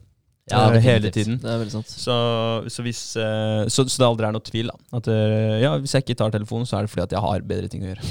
Ja. Rett og slett. Ja, Ja, ja. Ja, Men ja, for det går jo an å ringe opp igjen. Ja. Og, og er det veldig viktig, så tenker jeg det ringer det i hvert fall et par ganger, eller så kommer det en melding også. Da skal det ringe meg om så fort, så fort du har mulighet. Ja. Så, ja. så jeg tenker at man kan bli veldig mye flinkere til å ikke la telefonen styre tida si. Eh, men det gjelder med varslinger, lyd, vibrasjon, alt mulig. Prøve å mm, tenke litt på det. mm, Og det kan godt være lurt å sette på sånn type flight mode, eh, litt sånn tre kvarter flight mode, da. mm. Har du en intensiv eh, tre kvarter, kun fokusert på det du skal være fokusert på, og så tar du 15 minutter hvile, og så kjører du en ny runde, liksom. På den nyeste oppdateringa på iPhone så er det vel eh, en, et modus der, sånn ikke forstyrr-modus, som heter fokus. Å ja. Da kan du ta på det, da. Er det det? Ja. Ja, Kult. For da får du ingen varsler, og så fokuserer du i en gitt angitt tid, da. ja, kult. Men det er jo noe med det da, når du sitter og jobber med et eller annet, og så plutselig så plinger det i telefonen din, eller den ligger og vibrerer. Eh, da mister du fokuset, da. Yes. Ikke sant? Da Ja. titter du rett på den telefonen, finner ut hva, hva er det for noe, ikke sant? Og da har du datt ut av det. Ja. Ikke sant? Og så må du, må du ta den derre ah, fuck, jeg skal ikke ta opp den telefonen nå, jeg må fortsette med det jeg driver med. Men, men da har du allerede mista tid, da. Da er du ukonsentrert, og da må du bruke litt tid på å komme deg inn igjen, da. Ja, vi, er, vi er som sånne distré bikkjer som bare løper rundt og vi er det. Ja, ja, men det er helt sykt. Mm. Det er egentlig helt tragisk å tenke på. Så da må vi faktisk skjerpe oss, alle sammen. Inkludert meg sjøl. Da skal jeg steppe opp gamet mitt. Ja, sjæl, ass. Eh, og da kan vi jo eh, alle sammen bli bedre på en annen ting òg, og det er å kanskje søke feedback. Det er eh, veldig vanskelig, fordi det er litt skummelt å få en klar tilbakemelding på Ja, det her syns jeg du gjør bra, det her kan du bli mye bedre på. Det her gjør du ræva. Ja. Eh, og det er en av de punktene som, som jeg har satt eh, opp fordi jeg ikke er veldig god på det. Ja. Å søke feedback fra flere, da. Ja. For det er så veldig, veldig lett å få feedback fra eh, de nærmeste. eh, og da, for da, det er komfortabelt. eh, de sier kanskje litt det du vil høre, eh, litt for ofte. Eh, og heller ja, få noen som du ikke kjenner i det hele tatt, kanskje. Ta en mm. liten review. Dere har jo hatt eh, mentorer, og dere er med i en, eh, i en gruppe nå, en fokusgruppe, og litt sånn forskjellig. Der får jo dere kanskje litt honest feedback på prosjektet deres. Men eh, hvis man tar det bort fra prosjektet da, og ser på individnivå, er dere flinke til å få feedback? Ja, jeg syns jo ærlig talt at eh, vi kunne fått enda, enda litt uh, strengere feedback også. Jeg syns folk i dag er, eh, er litt for myke, uh, syns jeg, i måten man prater til hverandre på. Uh, at man ikke At man hele tiden skal bake inn ja, feedbacken på en Hvis det er kritikk, da. Hvis det er noe som ikke er bra. Så det er greit at det skal være konstruktiv kritikk, men det trenger ikke alltid være hyggelig kritikk. om du skjønner hva jeg mener. Det kan jo være bare altså det, her, no, det her er du ikke god nok på. Uh, Ja. Innsatsen din denne uka her, den er, ikke, den er ikke bra nok. Hva er det dere har gjort de siste, den siste måneden? Ok, skriver dere det ikke ned? Nei, men få det ned på papiret. da, Vis meg hva dere faktisk gjør, liksom. Og så bare litt mer sånn, da, i stedet for at det, det blir en sånn det blir litt mer svevende, det blir ikke like konkret. Og, og jeg for min del, altså jeg liker å få Mm. direkte feedback, så lenge jeg føler at det er uh, rettferdig, at det er hold i det, så ikke det er uh, hva skal jeg si, dritt, drittslenging, eller at det, at det kommer fra noen som på en måte Du merker at de prøver å trykke deg ned. Men hvis du merker at det, her har du et hull i måten du jobber på, måten du er på, og det her bør du faktisk gjøre for at det her skal bli bedre for deg selv fram i tid. Jeg, jeg tar imot den kritikken når som helst, hvilken som helst dag. Eh, jeg syns jo bare det er positivt. Men Ja, for det vil jo ja. deg bare godt, da. Ja, det er akkurat det. Og det var litt sånn som du Jeg vet ikke, jeg var en av dere. Jeg tror Ja, spiller ingen rolle. Det var noen av oss som snakka om Hvis du får eh, hat, da, eh, fordi du er eh, Altså, noen kaller deg tjukk, eh, og så du ikke er tjukk, da er det jo liksom Ja, det er greit. Han har det ikke så bra med seg sjøl, han som kalte meg tjukk. Mm. Men hvis du faktisk er det, så er det kanskje Ja, da er det litt å jobbe med, da. Mm. Ja, ja. Eh, altså- og da tar du, tar du det imot med åpne armer, ikke sant? Ja. Du kan jo få kritikk som du ikke er klar over sjøl. Ja. Og det er jo jævlig positivt. Fordi kanskje du, kanskje du går rundt og du vet ikke om da. Du, du, du tenker ikke så mye over det, at du faktisk ikke er noe flink til eh, akkurat den biten her. Kanskje du Det er veldig mange som tenker mye bedre om seg sjøl enn det de faktisk er, da. Ja. Ikke sant? ja. Ja, så det er veldig mange som trenger kritikk eh, på de punktene, bare for å få kanskje en liten sånn aha-opplevelse om at det greit, kanskje ikke er så flink allikevel, da. At jeg må steppe opp gamet litt på den biten der. Mm. Ja, Så kritikk er jo positivt. Det, det kan løse et stort problem ved deg. Ja, ja. Det kan det. Absolutt. Men derfor tenker jeg det er veldig viktig den der eh, kommunikasjonen også opp mot uh, Når du først får en tilbakemelding som ikke er nødvendigvis positiv Hvis du får en litt sånn uh, krass tilbakemelding, eller sånn, men du, du vet at det, altså, den treffer litt Måten du tar imot den tilbakemeldinga på, enten om det er fra samboeren din, eller om det er fra vennene dine, familie, altså hvem som helst Måten du tar imot, måten du responderer på den tilbakemeldinga, den er så ekstremt viktig. Fordi hvis jeg sier, hvis jeg gir noen hvis det er et eller annet jeg ikke er fornøyd med noen på, og så prøver jeg å gi dem den feedbacken eh, på en eh, ja, igjen litt hyggelig måte, eh, men så er det noen ting som er vanskelig å si på en eh, veldig hyggelig måte. Noen ting så Du klarer ikke å si det på så mange måter, da. Det er eh, Ja, du må kalle en spade for en spade. Ja, ja. Mm.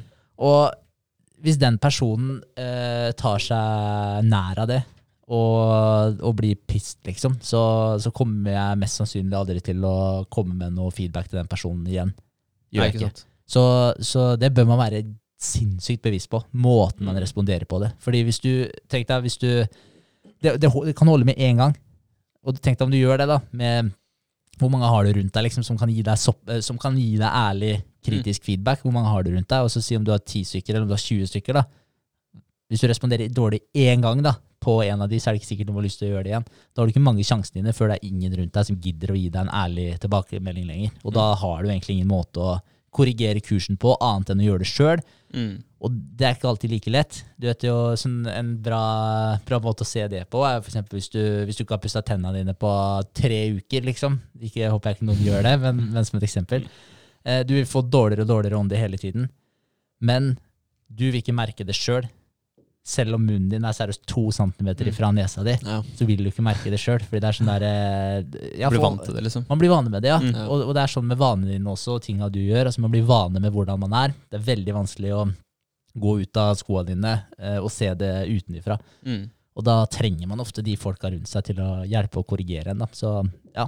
Ja, hvis man klarer liksom å sidestille feedback med omsorg, for det er jo det egentlig det det er. Mm. Jeg, jeg gidder ikke å gi feedback til folk jeg ikke bryr meg om. Det, det er jo ikke noe vits. Da er det jo bare troll, som regel.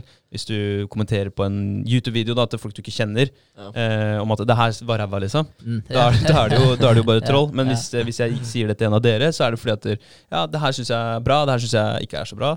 Da er det jo fordi jeg vil at dere skal bli litt bedre. Ikke sant? Mm. Så hvis man, eh, hvis man tenker eh, på det punktet her, da. Søk feedback, og så setter man et liktegn på, på feedback og omsorg. Søk omsorg. Mm. Lurt. Lurt. Eh, ni hårete mål og hårete drømmer. Bushy uh, mål og bushy dreams. Ja, ja. Ja, det blir deilig. Eh, Hårete mål er viktig å sette seg. Ja. Okay. jeg. Eh, for det er altså Selv om du ikke når det hårete målet, da, så har du i hvert fall kommet lenger enn det du var. Mm. Ja, så da har du, hon- da har du nådd eh, i hvert fall noen delmål, da, hvis du også har satt det. Så har du i Mm. hvert fall eh, kommet lenger da, enn der du starta. Det har du. Uansett, så et uh, hårete mål, det syns jeg er helt, helt innafor å sette. Det syns jeg alle bør sette, egentlig. Mm. Ja. Det er, det er helt klart. Og hvis man tenker da Du spør en person på trening hva er målet ditt, kom i form. Det er ikke akkurat veldig hårete. Nei. Så da må man hjelpe dem på veien. da Og da er det litt sånn som vi nettopp har uh, snakka om. Det med å hjelpe folk litt tilbake i tid. Hjelpe de tilbake til, til eh, ung alder, hvor man kanskje turte å ja, eh, se for seg seg selv da, som en brannmann eller en eh, astronaut, eller man tenkte at å, jeg kommer til å se bra ut i, i denne brannmannsuniformen. Ja. Eh, ikke sant? Man hadde jo de tankene. Man, hadde, man kunne jo klart forestille seg sjøl i den uniformen da man eh, vokste opp, hvis man ville bli brannmann. da. Eh, mange har hatt lyst til å bli brannmann, tror jeg. Ja. Eh, Alle har vel vært igjennom det stadiet. men, men hvis man klarer å dra litt tilbake i tid, eh, så er det et godt virkemiddel for å, å kanskje sette seg et mål eller en drøm. da. Ja. Ja. Det er det. Mm. Vi trenger kanskje ikke snakke så mye mer om det, i og med at vi nettopp har hatt uh, Vi har hatt mange samtaler om å, sette mål. Ja, Vi har det. Har det. Espen Halkjær sa det jo, han òg. Ja. Drøm, sa jeg ikke han rett ut der? Drøm hårete, ha Ja. hårete mål. Jo, jo, ja, sa det. bare, Ja. Ja, ja, bro. Følte han på mange av de punktene der. Altså. Yes. Ja. ja han, han hadde mye bra. Uh, neste, det er proaktivitet. Ja. Og det er jo litt, uh, litt viktig skal man få til noe. Og der er, det, der er det mye å snakke om. Eh, vi har snakka mye om det før òg, det på en måte å være effektiv og hvordan være proaktiv. Jeg har egentlig tatt det punktet her og eh, gått litt i dybden på det. Fordi, som jeg har snakka med dere om før, de temaene jeg kommer med, er ofte ting som jeg føler jeg må bli bedre på sjøl. Og da er det deilig å kunne sette seg ned, sånn som du, Vegard, sa. Sette seg ned med boka. Man har plutselig blitt flink til å bruke en bok. Ja. Eh, Man lærer mye av det, å sitte og skrive. Og da får man også å latt det summe litt opp i, i hodet. Ja. Eh, å være proaktiv. Eh, hvordan er man proaktiv? Eh, man er da ikke reaktiv, egentlig. For det er kanskje det man ikke bør være hvis man skal få til noe. Man skal ikke tenke at det er ting som Man skal hele tiden reagere på, på verden. Man skal heller ta kontrollen. da. Mm. Eh, og det er det der at vi har kontrollen. Og for, eh, for å være effektiv, så må du være proaktiv. Eh, reaktive mennesker, de har en passiv holdning. Eh, det er alltid en sånn eh, unnskyldning. Eh, det er sånn jeg er. Det er sånn jeg er oppvokst. Det er sånn foreldrene mine er. Eh, det er ikke noe jeg kan gjøre med. Eh, det er en passiv holdning. Det er meg, jo. Offer. Offer Ja. Ja, og da, det er, det er eh, reaktive Ja. mennesker. Vi må være proaktive. Ja, Eh, jeg liker den der. Den der sånn her, Ja, men det er meg, jo. Det går bra. Det er sånn det er, jo. Det var sånn det er. ja, det er ingen god forklaring. Nei, så, så reaktive mennesker, det, det skaper ikke noe effektivitet. Det skaper masse unnskyldninger. Mm. Eh, og, og verden er alltid Det er alltid verden som hender de, ikke sant? Det er ikke de som har kontrollen. Eh, er du proaktiv, så er du selv ansvarlig for det som skjer. Eh, og man, man, må ta så fokusere litt på eh, det du har kontroll, kontroll over. Du har en, en reaktiv person, da. Kan si f.eks.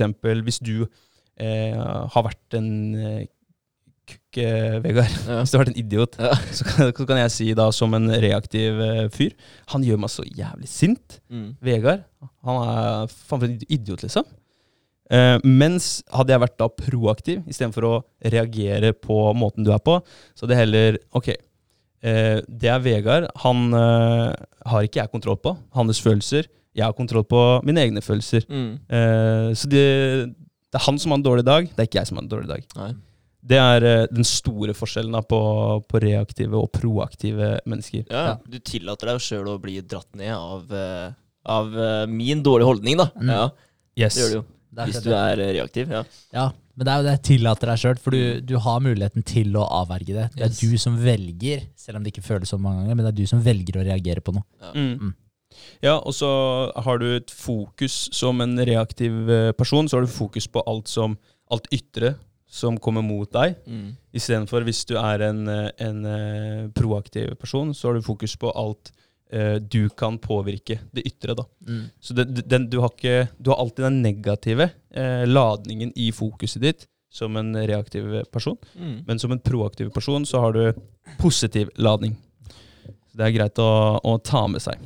Det er ganske interessant eh, når man prater med folk òg. Du merker ofte temaene folk eh, har lyst til å prate om, og mm. temaene som man ofte prater om. Og det spørs hvem man henger med også, så ender det med at man sjøl også begynner kanskje å prate om de tinga. Mm. Eh, så det, det er ganske interessant å, å bite seg merke i det også. Hva, hvor ofte det er at der, uh, samtaleemner kan handle om andre. Mm. Som jeg Ja. egentlig ikke er så forbanna interessert i. Hvis det er noen som har fått til noe, syns jeg det er dritkult å prate om det. Men bare prate om andre, fordi hørte hva som skjedde med dem, hørte hva som Mm. skjedde der, hørte hva som skjedde der. Altså, det der det er, ikke, det er veldig lite interessant for meg, Mm. faktisk. For jeg bare bryr meg ikke så veldig mye om det, for det har ingenting med meg å gjøre. Det har absolutt ingenting med meg å gjøre, uh, og det er ikke noe jeg trenger med den infoen. Men jeg føler uh, det er veldig mange samtaler som går dit, da, på å prate om ting som man ikke kan gjøre noen verdens ting med, og som ikke er, fins relevant for meg sjøl i det hele tatt. Og da er du jo inne på den der eh, reaktive saken. Da. Du reagerer hele tiden på, på impulser utenfra. Mm. Og eh, jeg tenkte på eh, det med å leve reaktivt og leve proaktivt også. Det er, det er litt interessant hvis du tenker på hvor mange som lever reaktivt, og, og inkludert meg sjøl. Det er en stor del av meg som lever reaktivt eh, nå også, selv om jeg har gått over til å være mye mer proaktiv nå enn Mm. det jeg har vært før. Ja. Men det er en lang vei igjen før jeg på en måte kan si at jeg lever proaktivt. For det gjør jeg ikke ennå. Men, eh, men eh, da er det jo ofte at eh, du holder på med de tinga du holder, holder på med, og det er ofte eh, jobben og alle pliktene dine, alt ansvaret ditt, som styrer tida di. Så med en gang du har tid til overs, enten om det er et par timer på kvelden, eller om du har fri en uke, da skal du bare slappe av. Mm. Da skal du bare eh, ta det med ro, lade batteriene, hele den greia der. Mm. Men da har du egentlig muligheten til å switche om, da, til å faktisk være proaktiv i den perioden der. og Starte å legge, legge en liten slagplan. Eh, starte å kanskje planlegge litt, sånn at du, du skaper deg litt mer tid. Sånn at du slipper å reagere med, eh, på klokka hele veien. Mm. Men den tida der, den bruker man liksom da til å, som en unnskyldning til å slappe av og, og lade batteria. Helt til det skjer en ting, at dagen kommer, du får en eller annen nyhet, det er noen som ringer deg, et eller annet som skjer da, som gjør at du må reagere igjen. Og det er egentlig jævlig ironisk når man Ja. tenker på det. Ja, ja. Bare- Ja. Bare se på, på vennskap også, da. Hvis man hele tiden lever reaktivt, eh, så er du aldri den som tar initiativ til at noe skal skje. Nei. For da venter du på at noen skal ringe til deg. da. Mm. Eh, og hei, skal vi finne på noe, dra ut med båten eller noe sånt. Nå, nå er det jo skøytevær, da, så det er ikke akkurat nå. Men eh, på sommeren, for eksempel. Bare et, bare et eksempel. Eh, så det er vanskelig å skape minner for andre når du er den reaktive og ikke den proaktive. Mm. Eh, så vær, vær proaktiv, eh, for da vil du jo få til noe. Mm. Mm. Helt Ja. klart. Bra. Det er eh, mange punkter, så jeg skal prøve å speede opp litt. Ja, kjør. legg bort eh, dårlige vaner, legg til gode vaner. Mm. Og det er jo noe vi jobber med kontinuerlig. Um, og vaner, det er jo både smått og stort. Det er enten drikker du for mye, røyker for mye, eller så kanskje du titter på telefonen for mye, eller så sitter du på do for lenge. Ikke sant? Det kan også være en eh, vane som man kan eh, vende bort. Veldig sant. Eh, hvorfor skal vi gjøre det? Det er jo for å, å skape fordeler for eh, deg selv. Mm. Gi deg sjøl en bedre flyt i, i hverdagen. Og så, ja, så er det jo litt tilbake til det selvtillitspoenget til Vegard eh, i stad òg. Det med å eh, Når du fjerner dårlige vaner, og du begynner å erstatte de med positive vaner, eh, så vil du gi deg sjøl også en veldig positiv feedback. Du vil føle deg bedre fordi du føler sjøl at du tar de riktige valga også. Ja. Og det der også vil bli en, eh, en positiv sirkel, som vil gi deg bedre selvtillit. Og, og ja, bedre selvtillit det vil gi deg bedre resultater òg. Ja, ja. Altså, jeg har merka litt uh, på det nå i det siste, egentlig. Uh, jeg har ikke vært så flink med trening da, den siste ja, Siden Nøyd åpne Nei, Nøyd, sier jeg. Nivå åpna. Så hadde jeg Bare spist, Vegard. Jeg bare spist. Ja. Så hadde jeg jo ukes eh, prøve, eller prøveuke der, da. Mm. Uh, men etter den så bare dabba det av. Av en eller annen uh, grunn. Jeg vet ikke hva som har skjedd uh, heller. Men, men jeg har tenkt at det, har vært litt greit, da, siden vi har kjørt de utfordringene vi har kjørt. Så er jeg liksom bare Ja, ja, men jeg kan bare konse litt på det den tiden her. Eh, for det er ellers veldig mye annet du gjør òg, da. Mm. Ikke sant? Eh, og når eh, utfordringene tar såpass lang tid som de gjør, da, så, så blir det litt vanskelig innimellom da, å, Mm. å rekke alt sammen. Men planlegger man bedre, så selvfølgelig kan man få det til å gå opp. Men og, og da har jeg jo selvfølgelig merka det. da Man ser seg jo i speilet hver eneste dag. Ikke sant? Og man, man ser det fort når man har slutta å trene. At det, det, det går bare nedover. Mm. Og det går utover selvtilliten, selvtilliten igjen.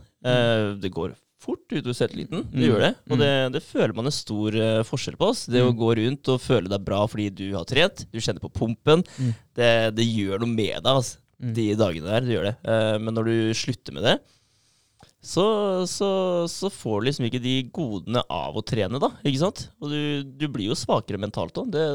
Det, merker man fort, altså. Det er den Ja. rustningen du, Ja, ja. snakker om. Ja. bygger den. Man tar liksom, eh, Hvis du blir tilbudt det der godteri eller den milkshaken, eller et eller Mm. annet, da har du jævlig god selvtillit. Bare sånn, ah, nå er jeg i form, så blir det mye enklere å si det. vet du hva, Den dropper jeg. Eh, den dropper jeg. Ja, ja. Og har du dårlig selvtillit, og sånn, så er det ja, ja, fuck it, en milkshake ekstra spiller ingen rolle. Så, så man, man eh, hva skal jeg si, man uh, slipper på alle de punktene der også. Man Ja, gjør det det. det.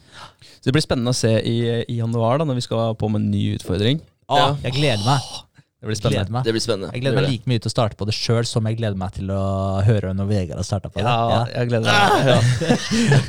Ja, ja. Jeg skal skrive medlemskap i morgen, faktisk. Ja. Det har jeg bestemt meg for. Så bra. Ja, så da, da er jeg på'n. Så bra. så bra. Fett. Uh, neste, da. Velg dine nærmeste. Og der har vi vært mange ganger. Uh, men eh, bare for å dra den en gang til og quote Jim Ron. Du er gjennomsnittet av de fem du tilbringer mest tid med. Mm. Du er gjennomsnittet. Ja. Så du blir ikke bare litt lik, men du blir akkurat som gjennomsnittet av de fem. Ja. Så det, det er verdt å ta med seg. Og der eh, går vi tilbake til ankeret som eh, jeg fant opp i stad. Uh, identifiser ankeret. Ja. Eh, og det kan jo være noen av de fem som man må bytte ut, eller vie mindre tid til, slett. Men eh, du Henrik, du hadde en eh, jævlig kul greie på den der. ass. Eh, det med termostaten. Ja, Ja, Jeg ja. syns faktisk vi skal ta den, ass, for Ja. den, syns jeg var veldig fin. Ja, det kan Ja. gjøre. Det, det er egentlig fra en Ed Milet. Jeg har nevnt det tidligere også, en gang på, på poden. Det begynner å bli en litt stund siden. Men, men det er egentlig at der, identiteten din At den er helt sykt mye med saken å gjøre. At der, fordi når du henger med de fem du henger mest med du, Identiteten din også er relatert til de fem. Så hadde du vært sånn, du hadde ikke identifisert deg med disse personene i det hele tatt, så hadde du aldri hengt med dem heller. Mm. Så, så det er veldig nært knytta til identiteten din. Og eh, hjernen vil fungere på en sånn måte at den vil hele tiden jobbe for å eh, hva skal jeg si, gjøre det utad, eh, så det matcher sånn som du føler deg innad. Mm. Så i forhold til identiteten din, hvis du føler at du hvis du identifiserer deg med ta, Hvis du har en uvane da, som å røyke eller snuse, eh, og så tar du det Så du identifiserer deg som en person, person som snuser, Mm. så er det ekstremt vanskelig for deg å slutte å snuse, fordi identiteten din er knytta til det å faktisk snuse. Så hvis du skal slutte med det, så bør du bare si til deg sjøl at du eh, eh, du eh, er eh, Du er ikke en snuser. Altså Selv om du, som Andreas sa, for vi snakka litt om det her, han hadde greia nå, så, ja, så hvis du tok en snus i stad, så skal du bare si nei, men jeg snuser ikke. Jeg er ikke en snuser. Bare sånn fordi du er nødt til å knytte det til identiteten din. Fordi hvis okay. du sier at jeg prøver å slutte å snuse, eller jeg har eh, akkurat slutta å snuse, Mm. eh, så sier du fortsatt at du er en snuser, men nå har du slutta, eller du har en pause, eller hva det måtte være. Så det er viktig å hele tiden si at du faktisk ikke er det. Ja. Eh, også, men i forhold til det med å endre identiteten din, da, så er det flere måter å gjøre det på. Ja. Eh, og det ene er at hvis du eh, kaller det for en termostat, og du ser på det på lik linje som at det er en termostat, eh, så er det sånn at hvis du eh, er stilt inn på 17 grader, si i forhold til business, da, 17 grader, eh, så har du de fem du henger mest med. De har jo også sine termostater, og si at de er eh, også 17 grader.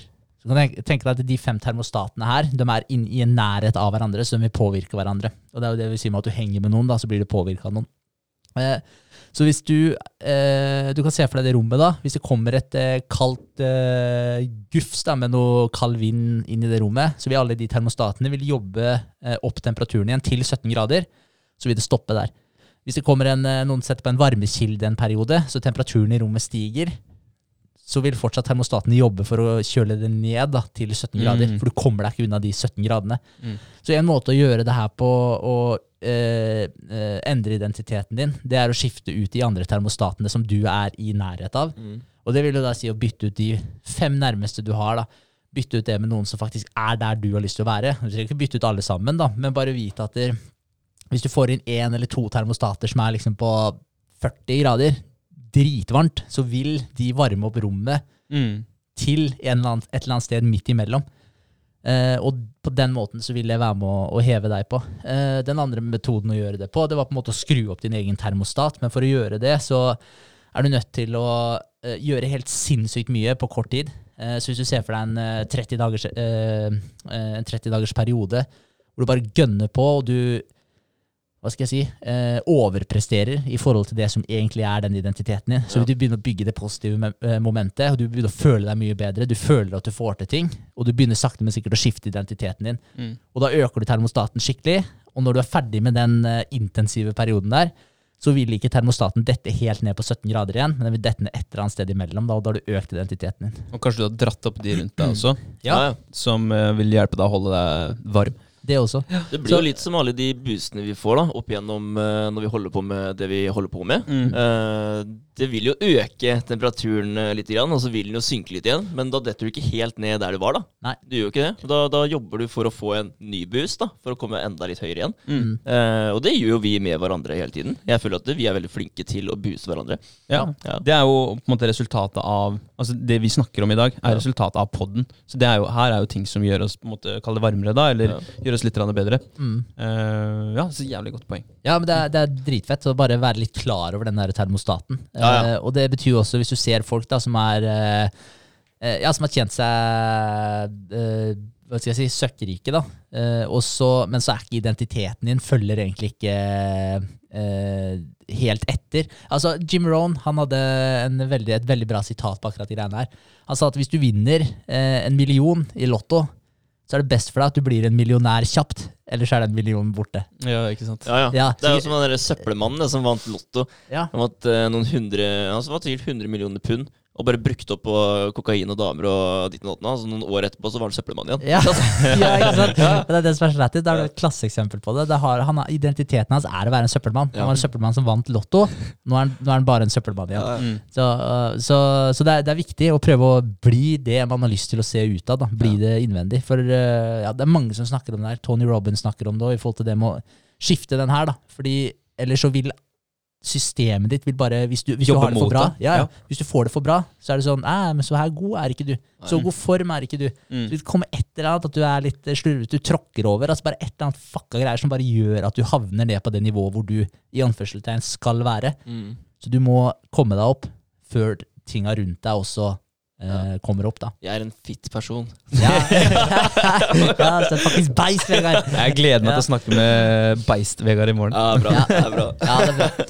Eh, kult. Dopamin detox er neste. Den har vi tatt eh, ganske grundig i det siste, og vi snakka litt om det i stad. Det er eh, rett og slett å prøve å legge bort eh, alle de eh, fristelsene, egentlig, å, som, som tar tida vår. Eh, det er eh, punkt 13. 14 utfordringer, der vi også snakka om eh, challenges i form av å komme ut av komfortsonen, og Ja. vår egen, vår egen erfaring med det er jo bare bra. Jeg har hatt kjempenytte av, av våre utfordringer. Ja, trenger ikke å være 30 dager, kan være en uke, kan være 10 dager, 14 dager.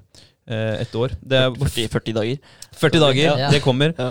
Eh, men eh, finn deg noen du kan gjøre det sammen med, for det, det er ofte mye lettere enn å bare sette seg ned alene og finne på et eller annet. Ja, Med mindre de quitter fort. Ja, ja, Da blir det enda verre for deg. Da blir det enda verre. Ja. Ja. Eh, neste det er meditasjon. Eh, det er noe som har blitt inkludert i løpet av ja, egentlig podden, eh, for min del. Jeg har ikke Mm. gjort det så veldig mye før det. Eh, og nytte, eh, nytte av meditasjon, det er det er så veldig uh, forskjellig fra gang til gang uh, for min del. Jeg har veldig nytte av det for å se litt klarere, men også for å ta meg sjøl litt ned. eh, og eh, egentlig komme, på, komme i balanse med, med den eh, karakteren jeg har lyst til å være. Mm. Og eh, rett og slett eh, visualisere hvordan jeg vil at det, den dagen skal være. Eh, mine meditasjoner varierer eh, veldig mye. Men jeg har en, eh, en, eh, en litt kul eh, ting som man bør ta med seg i ikke nødvendigvis meditasjonen, men det å se for seg eh, det man har lyst til å få til, og det her med visualisering. Eh, du skal leve eh, livet ditt da, med the end in mind. Mm. Så du skal egentlig være den personen i dag som du ønsker å bli. At du alltid har fokus på, på sluttresultatet. For det er veldig fort gjort eh, å havne i den der fella hvor eh, du jobber. Eh, kanskje du får eh, en eh, promotion. Hva heter det på norsk? Forfremmelse. Blir- ja. Forfremmelse. Eh, du får mer penger. Eh, du får eh, mer eh, eh, Du får mer anerkjennelse. Altså, du får mye greier hele tiden. Og alt du får, vil okkupere mer av tiden din. Så glemmer du litt bort uh, hva som var det store målet. da. Så hvis du hele tiden tar med deg det store målet, og har det i, i hverdagen din, så du lever med, uh, med målet, eller the end in mind, uh, hver dag, så vil det gjøre at du har et klarere syn da, på, på hva du skal få gjort hver eneste dag. Og det tar jeg med meg inn i, i min eh, meditasjon. Ja. With the end in mind. Nice. Å være ganske disiplinert, da. Så jeg tenker eh, det er sikkert veldig mange som får en, jobber hardt da for å få den forfremmelsen. ikke sant? Og så får de mye goder ut av det, og, så, og, og der stopper det, da. Yes. da. Da tillater de seg å slappe av litt, da. ikke sant? Fordi, Fornøyd. Ja, da er de fornøyd, da. Mm. Ja. Men det er, det er lov, det. Det er selvfølgelig lov, men eh, det er liksom hvis du har lyst til å komme enda lenger der, da, så, er det, så er det dumt å begynne å slappe av der. Mm. Da må du bare fortsette å gønne på. da. Selvfølgelig feire at du har blitt uh, forfremma, men uh, Mm. ja, fortsette å gønne på oss. Mm. Det blir liksom å, å søke den feedbacken òg. Altså Mm. ta en, uh, altså ta en Søk om feedback fra deg sjøl hver dag. At du tar uh, en evaluering underveis av hvor du er hen, og hvor du skal hen. Uh, vi har snakka mye om det i forbindelse med mål også. Det, det har vi. Men eh, det er et punkt som, eh, som jeg skal jobbe mye mer med, akkurat det med meditasjon. Men jeg tenker at det, det får lov til å være der, fordi hvis du hører på x antall podkaster, hvis du leser x antall bøker Alle som gjør noe litt annet enn å sitte på, på sofaen og se på Netflix, eh, altså får til noe, da, de, eh, de mediterer jo. Så det må jo være noe i det for alle. Mm. Ja. For det er så vanskelig for de som aldri har meditert før. da, Så hører de ordet meditasjon, så ser de på deg og så bare de- de- du får umiddelbart en sånn munkedrakt på deg. Ja, du, begynner sikkert å se etter eh, weeden. Ja, og- ja, ja. Så bare, faen, hvem er du egentlig? Ja. Ja. Så nei, det Det er jo Det er slukna Der nå. slukna Ja. nå. Bare meg resten. Da er det bare deg resten. Ja. Ja. ja, men det er godt vi straks er ferdig. Det er 16, 17 og 18 eh, igjen. Eh, det er ganske mange punkter. Ja. Men, eh, vi fyrer løs. Eller vil du legge til noe på meditasjon? Uh, nei, bare at det er en uh, ekstremt god vane. Er det. Så Så yes. Nå uh, skrudde Vegard av det siste kameraet, så det er veldig bra. Nei, det er helt kult. Nei, altså det er en god vane, uh, absolutt. Og du har helt rett i at det er veldig mange som eh, Ja, suksessrike folk som, som gjør det. Så man burde sjekke opp alle effektene ved det, og hvorfor eventuelt man kanskje burde begynne med det sjøl også. Ja, og hva som, hva som kan være Hva, hva du kan få, få godt ut av det, da. Meditasjon. eh, 15, 16 baby steps, og det er eh, alle de små tinga man kan ta med seg i, i hverdagen. Eh, som du var inne på i stad, Vegard. Det å sette seg et høyt, hårete mål, det er bra, eh, men man må ikke glemme de små delmåla. At man har eh, noen vaner man inkorporerer i, i hverdagen sin, som eh, får deg litt, litt nærmere hver eneste dag. Ja, det er veldig sant. Og det kan være sånn derre eh, Veldig enkelt, da. Eh, jeg skal drikke 8 dl vann, minimum 8 dl vann i løpet av eh, arbeidsdagen min hver eneste dag. Ja, ja. For da har du tatt din ene tredjedel av dagen i løpet av, løpet av den tida. Ja, men det er jo de små tinga, da. Ja. Det, det er som uh, Også alle kjennetegna da, for, uh, for det å være kreativ. Eh, så, så var det jo to stykken som pekte mot det å være kreativ, men resten var de som var motivasjonsfaktorer og den følelsesmessige biten for å hjelpe deg til å tenke at du faktisk kan bli mer kreativ. Mm. Og sånn er det jo med å nå alle de måla, alle de småtinga vi gjør, som å skrive i boka, som å ja, trene, da, som jeg har vært dårlig på i det siste. Men eh, ikke sant? Det, det, det hjelper deg. da. Alt, alle de småtinga her hjelper deg faktisk til å nå målet. Mm. Og det er veldig lett å eh, ikke tenke på akkurat de tinga der. da. Ja, ja, det, det er de noe med og bidrar, da. Ja, ikke sant. Se på alt det, det små i hverdagen som mm. verdifullt. Ja. Ta eksempler på, på vann. Eh, det er fort gjort å, bli dehydrert uten at du egentlig helt er klar over det sjøl. Så ser du eh, når du står ved urinalen eller om du står på, er på dass, så ser du at uh, tisset ditt er gult. Veldig gult. Da har du jo kanskje drukket litt for lite. Men uh, du kan også føle deg dårlig. Da. Du kan få hodepine. Altså, du må ha en væskebalanse i kroppen for Ja. å fungere optimalt. Det er en vane og et babystep. Puste, altså huske på å puste. Ta noen pusteøvelser innimellom for å rett og slett fylle opp de, de lungene da, som eh, vi er avhengig av at skal fungere optimalt for at kroppen skal ha det bra, og da skal hodet ha det bra også. Mm. Små ting. Små, små ting å gjøre i hverdagen. Uh, det var baby steps.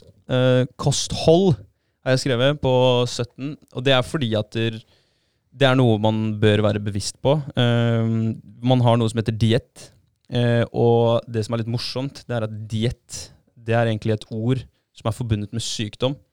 Så det er, eh, da endrer du på eh, inntak av mat i forbindelse med at du ikke er bra. Så hvorfor skal vi gå på dietter? Eh, det er et godt spørsmål. Mm. Man skal heller tenke kostholdsendring. At du skal gjøre en endring som er langvarig. Ja. Det er- Livsstilsendring. Yes. Ja. Det er ting som, som, som er langvarige, i hvert fall. Fordi at dietter er kortvarige, og så det, det er litt morsomt at det er forbundet med sykdom. Eh, for da det, det sier jo litt om hvorfor man bruker dietter. Og hvorfor skal du bruke en diett? Altså vi som tre som sitter her, vi har jo ikke bruk for en diett, egentlig. Men vi gjør, jo alle, vi gjør jo en utfordring nå i, i januar, da. Det gjør vi. For Henrik så er det jo egentlig ikke Der, der er det kanskje litt mer kosthold. Justering av kosthold. Ja, for meg så er det faktisk det. Ja, for det der er ikke diett lenger for meg. Altså, jeg vil jo ikke kalle det, kalle det det. Jeg vil Nei. ikke det. Men for oss så blir det det. Det er en midlertidig endring. Det gjør det. Eh, vi er ikke syke, men vi gjør det allikevel. Ja. Eh, men det, det er andre årsaker. Vi, skal, vi, gjør, vi gjør litt tester. Ja, det blir veldig gøy å prøve, da. Det gjør det. Men du, Mm. du ser jo på Det er også utrolig mange der ute som, eh, som kjører diett, da. Hvor de sier de er eh, ganske overvektige, da. Eller ikke ganske overvektige, men litt, eh, litt overvektige, da. Mm. Eh, så de kjører sånn suppedietter og sånn, ikke sant. Mm. Og kommer seg ned, da. Raser ned i vekt, ikke sant. Til den vekta de er fornøyd med, da.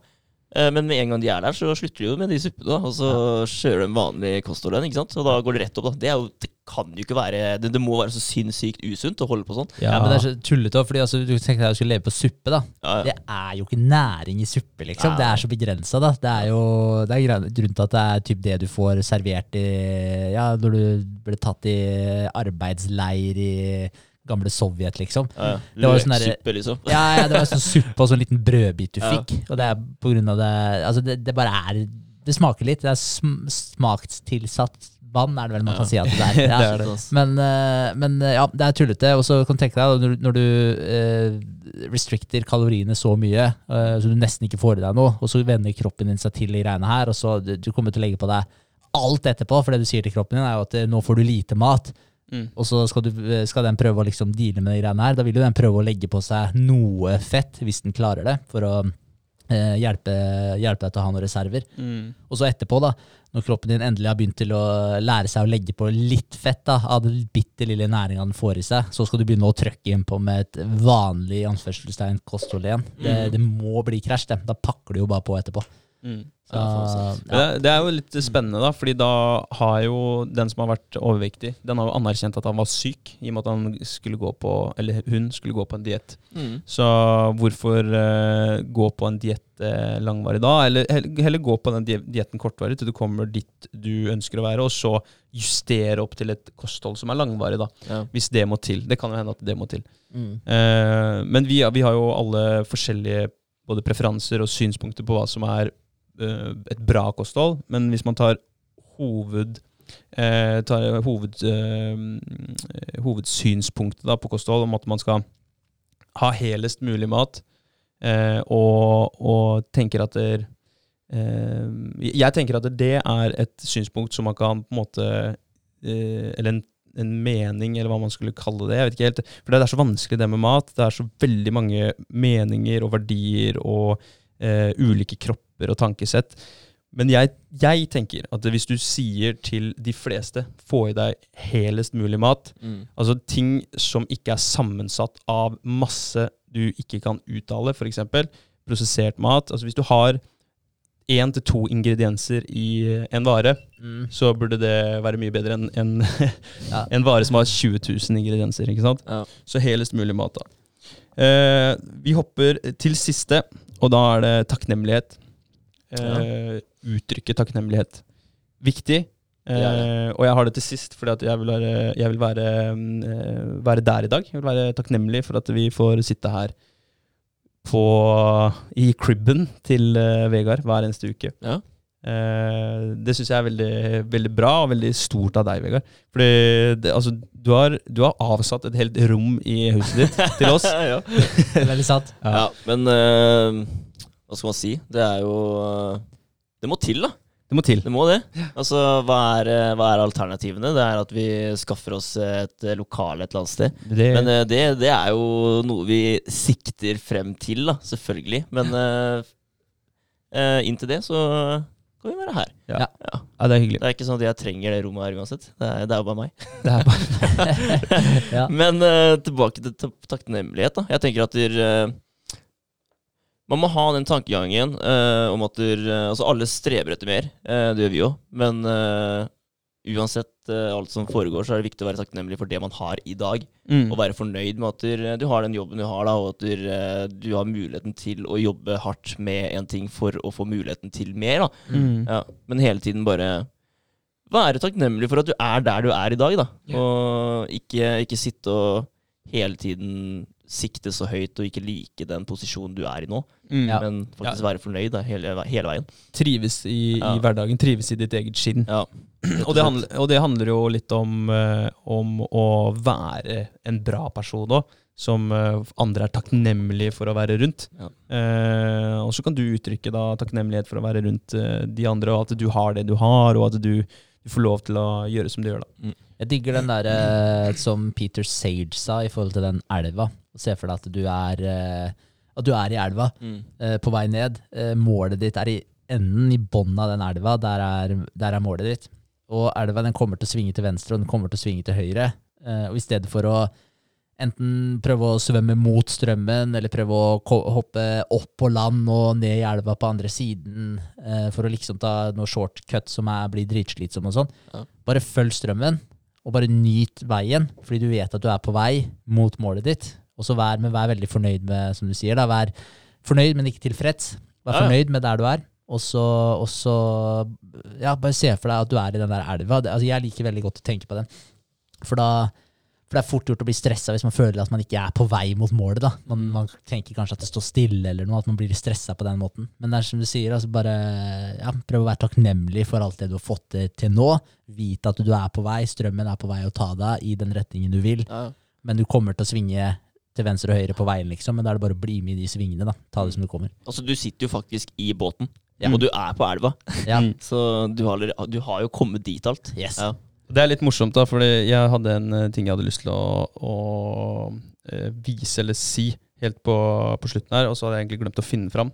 Men den eh, rakk jeg å finne fram nå, nå som kameraene var av. Eh, men eh, Og det er akkurat det dere snakker om der, at der, eh, du er i hvert fall med på noe, og du, du gjør noe. Og noe er bedre enn ingenting. Hvis du tar et matteeksempel som, som demonstrerer ganske bra. Eh, det her er da eh, å gjøre noe versus å ikke gjøre Eller gjøre noe versus ikke å gjøre noe i det hele tatt.